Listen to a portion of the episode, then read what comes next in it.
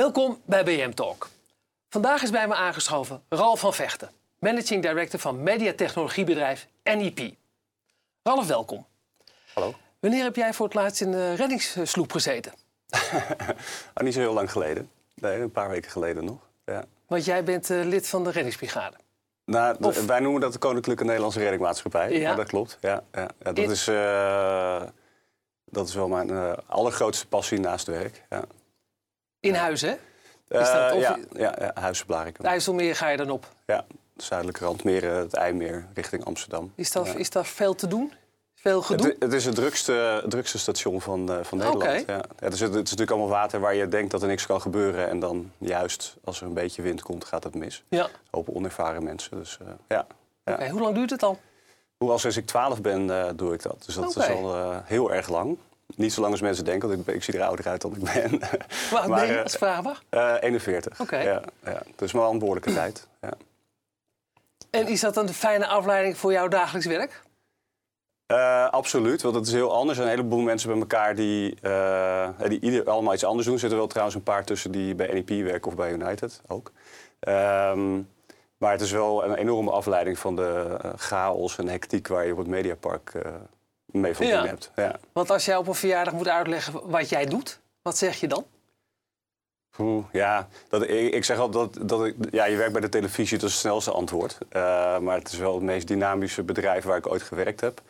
Um, en wij maken onder andere televisie. Um, maar het is zo ingewikkeld. We hebben recent nog uh, familie- en vriendendag moeten organiseren bij NEP... om te zorgen dat, uh, dat we überhaupt uitgelegd krijgen aan onze familie... Zeg maar, wat wij allemaal doen. Want het is zo verschrikkelijk veel verschillende dingen. En het is best complex geworden over de jaren heen... dat, uh, dat dat nodig was om het uiteindelijk uitgelegd uh, ja. te krijgen. Ja, met uh, van oudsher een facilitair bedrijf. Maar jullie ja. noemen jezelf een mediatechnologiebedrijf. Ja. Hè, want dat is het, wat je zelf, zelf zegt al, het is veel breder. Ja. Um, inderdaad, hoe leg je dat uit? En, en, en uh, hoeveel mensen werken er bijvoorbeeld bij jullie nu op dit moment?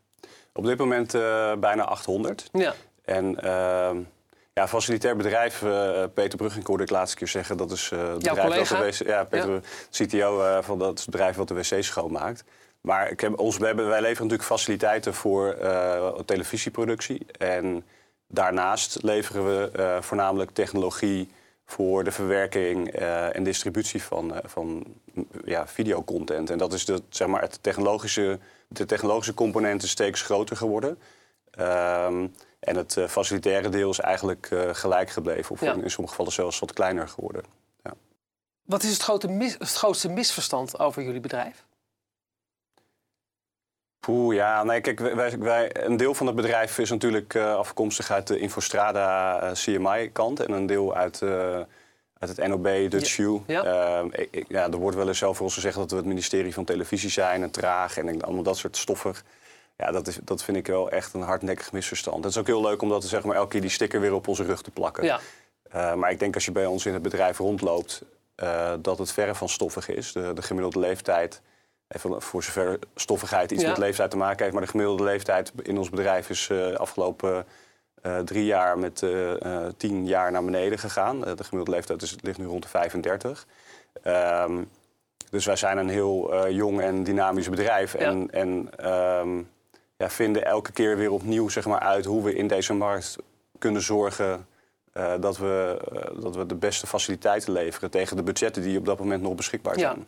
En dat, ik vind dat verre van stoffig. Zeg maar, als je eens rondloopt, is stoffigheid is het is allerlaatste. Je, misschien stof van de, van de verbouwingen die wij uh, doen. Zeg maar, dat er zoveel verandert, ja. maar verder is er geen stof te bekennen. Nee, want even, je zei van dit is de meest hectische baan tot nu toe. Die ik, wat, wat is jouw voorgeschiedenis? Wat heb je... Uh, ik heb een technische voorgeschiedenis. Ja? Dus ik heb altijd in IT-achtige bedrijven gewerkt. De laatste was... In Nederland heet dat Monsterboard. Maar dat was een wereldwijd bedrijf dat uh, vacaturewebsites had. En dan... Je denken van, wat, wat, wat gaat daar nog? Maar dat is een heel groot bedrijf. Er werkten 6000 mensen. En ik was in, in Europa verantwoordelijk voor de techniek.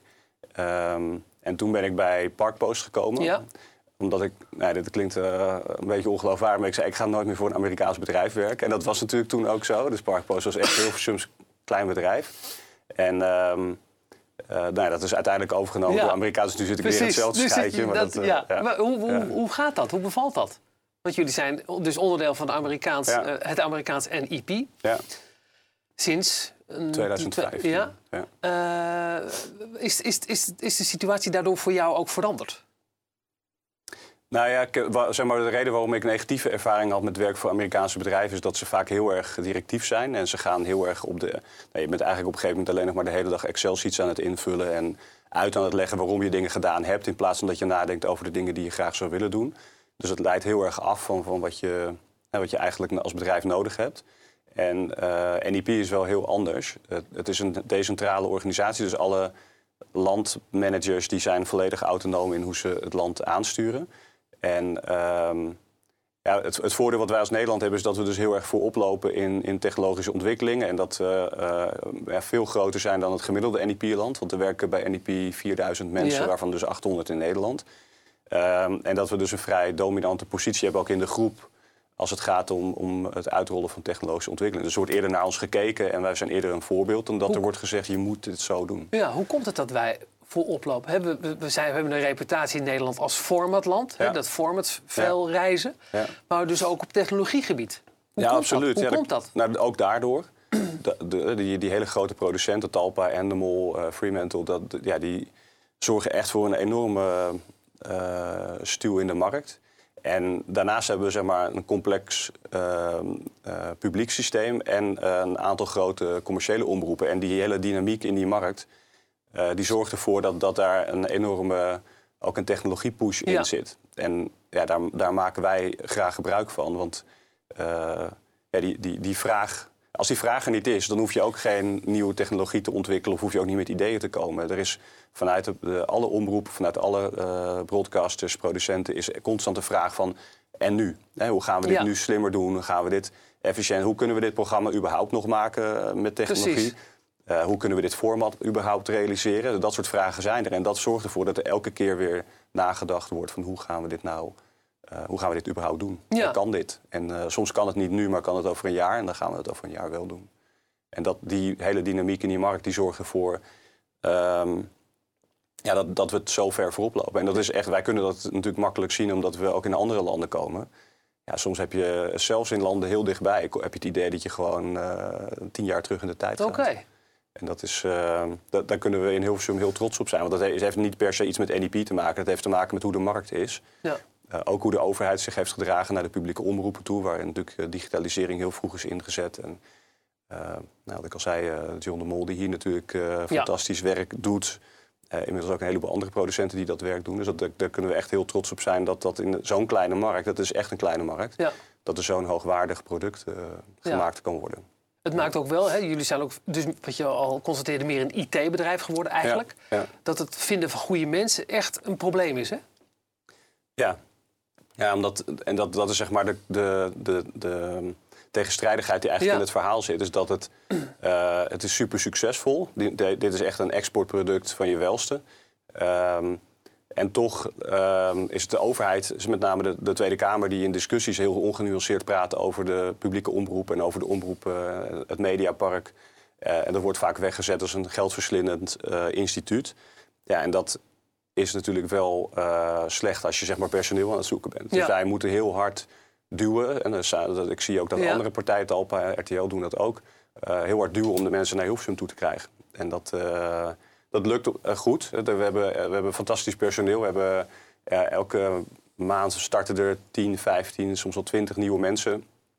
En dat zijn stuk voor stuk allemaal uh, mensen die een, een, fantastische bijdrage leveren aan, aan, aan het bedrijf. Maar um, ja, het zou wel leuk zijn als het wat makkelijker zou gaan. Ja, begrijp ik. Helpt de markt natuurlijk ook niet. Ja. Dus, nee. Ja. Over die markt gesproken, jullie hebben ook onlangs Facility House overgenomen. Waardoor er eigenlijk nog maar twee grote serieuze ik noem het maar even, facilitaire partijen nog zijn.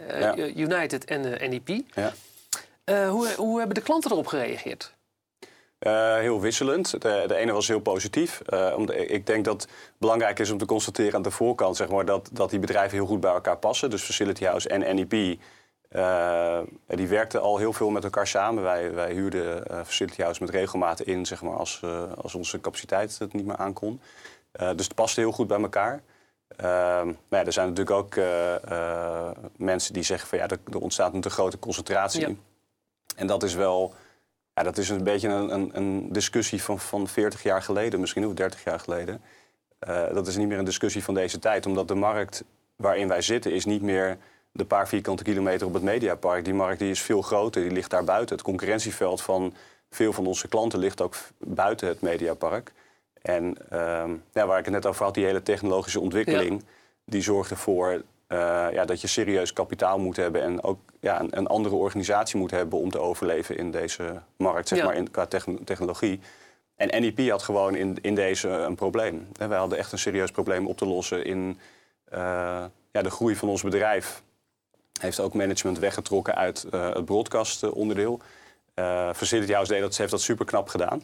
dus de mensen die van Facility House naar NEP gekomen zijn, die versterken nu zeg maar, onze organisatie. En Um, ja, er, er, wordt ook gezegd dat we nu een te machtige positie hebben en dat we te groot worden. Dat, dat hoor ik ook. Maar ja, dat, dat, dat is. Um, kan het overigens nog dat, dat, dat dan dat de, de, de mededingingsautoriteit er zo nog kan ingrijpen? Is dat, nee. Nee. Nee, nee, dat zou kunnen als het, als het echt een te, te, grote concentratie zou zijn.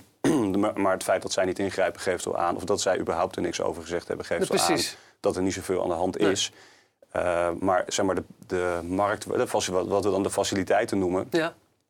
Ja, dat is iets wat jaar over jaar over jaar al, al nou, misschien al tien jaar lang, al langer krimpt. Ja. Uh, ons bedrijf krimpt op postproductie, krimpt op uh, meer camera.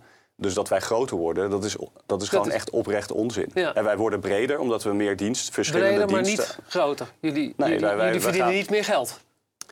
Uh, nou, niet op de onderdelen waar het Precies, nu over gaat. Precies, de, de traditionele onderdelen. Nee. nee. En ik, ik, denk ook dat dat, uh, omdat, dat dat beeld een beetje traditioneel is... van er moeten drie partijen zijn, want dan kan je drie offertes uitvragen. Ja, wij gaan natuurlijk uh, niet buiten de markt prijzen aanbieden. Dus, dus niet marktconforme tarieven, ja, dat, dat bestaat gewoon niet. Iedereen kan dat ook benchmarken in het buitenland. Ik bedoel, je kan ook naar België gaan of naar Duitsland... en daar ook faciliteiten inhuren.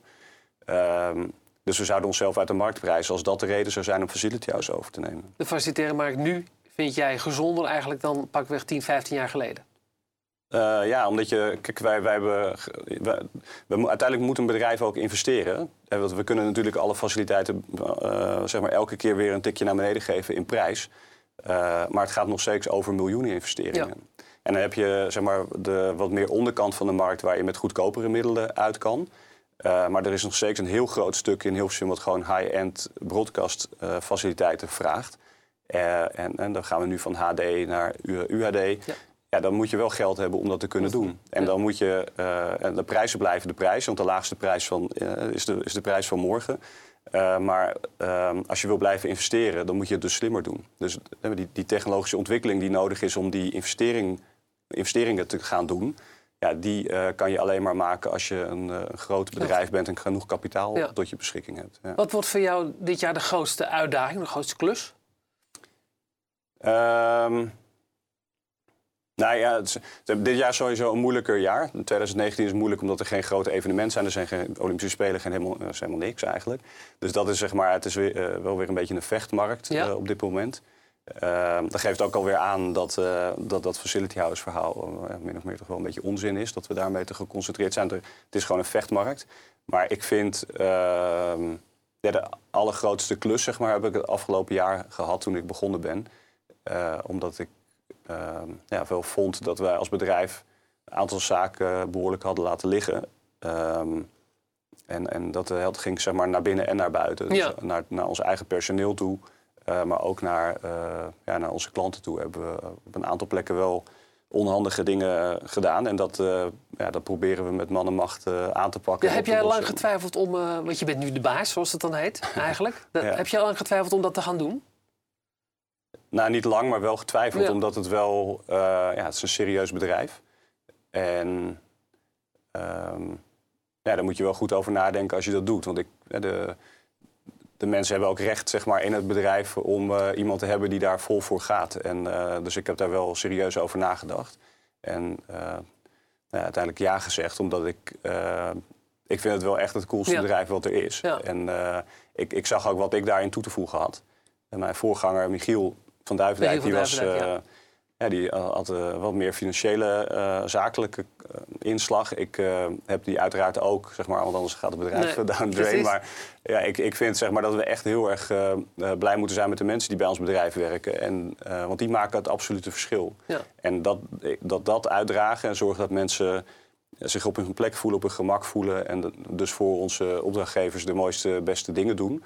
Ja, dat zag ik wel. Als waar ben je, waar ben je het meest trots op? Wat is, wat is de grootste doorbraak geweest voor jullie?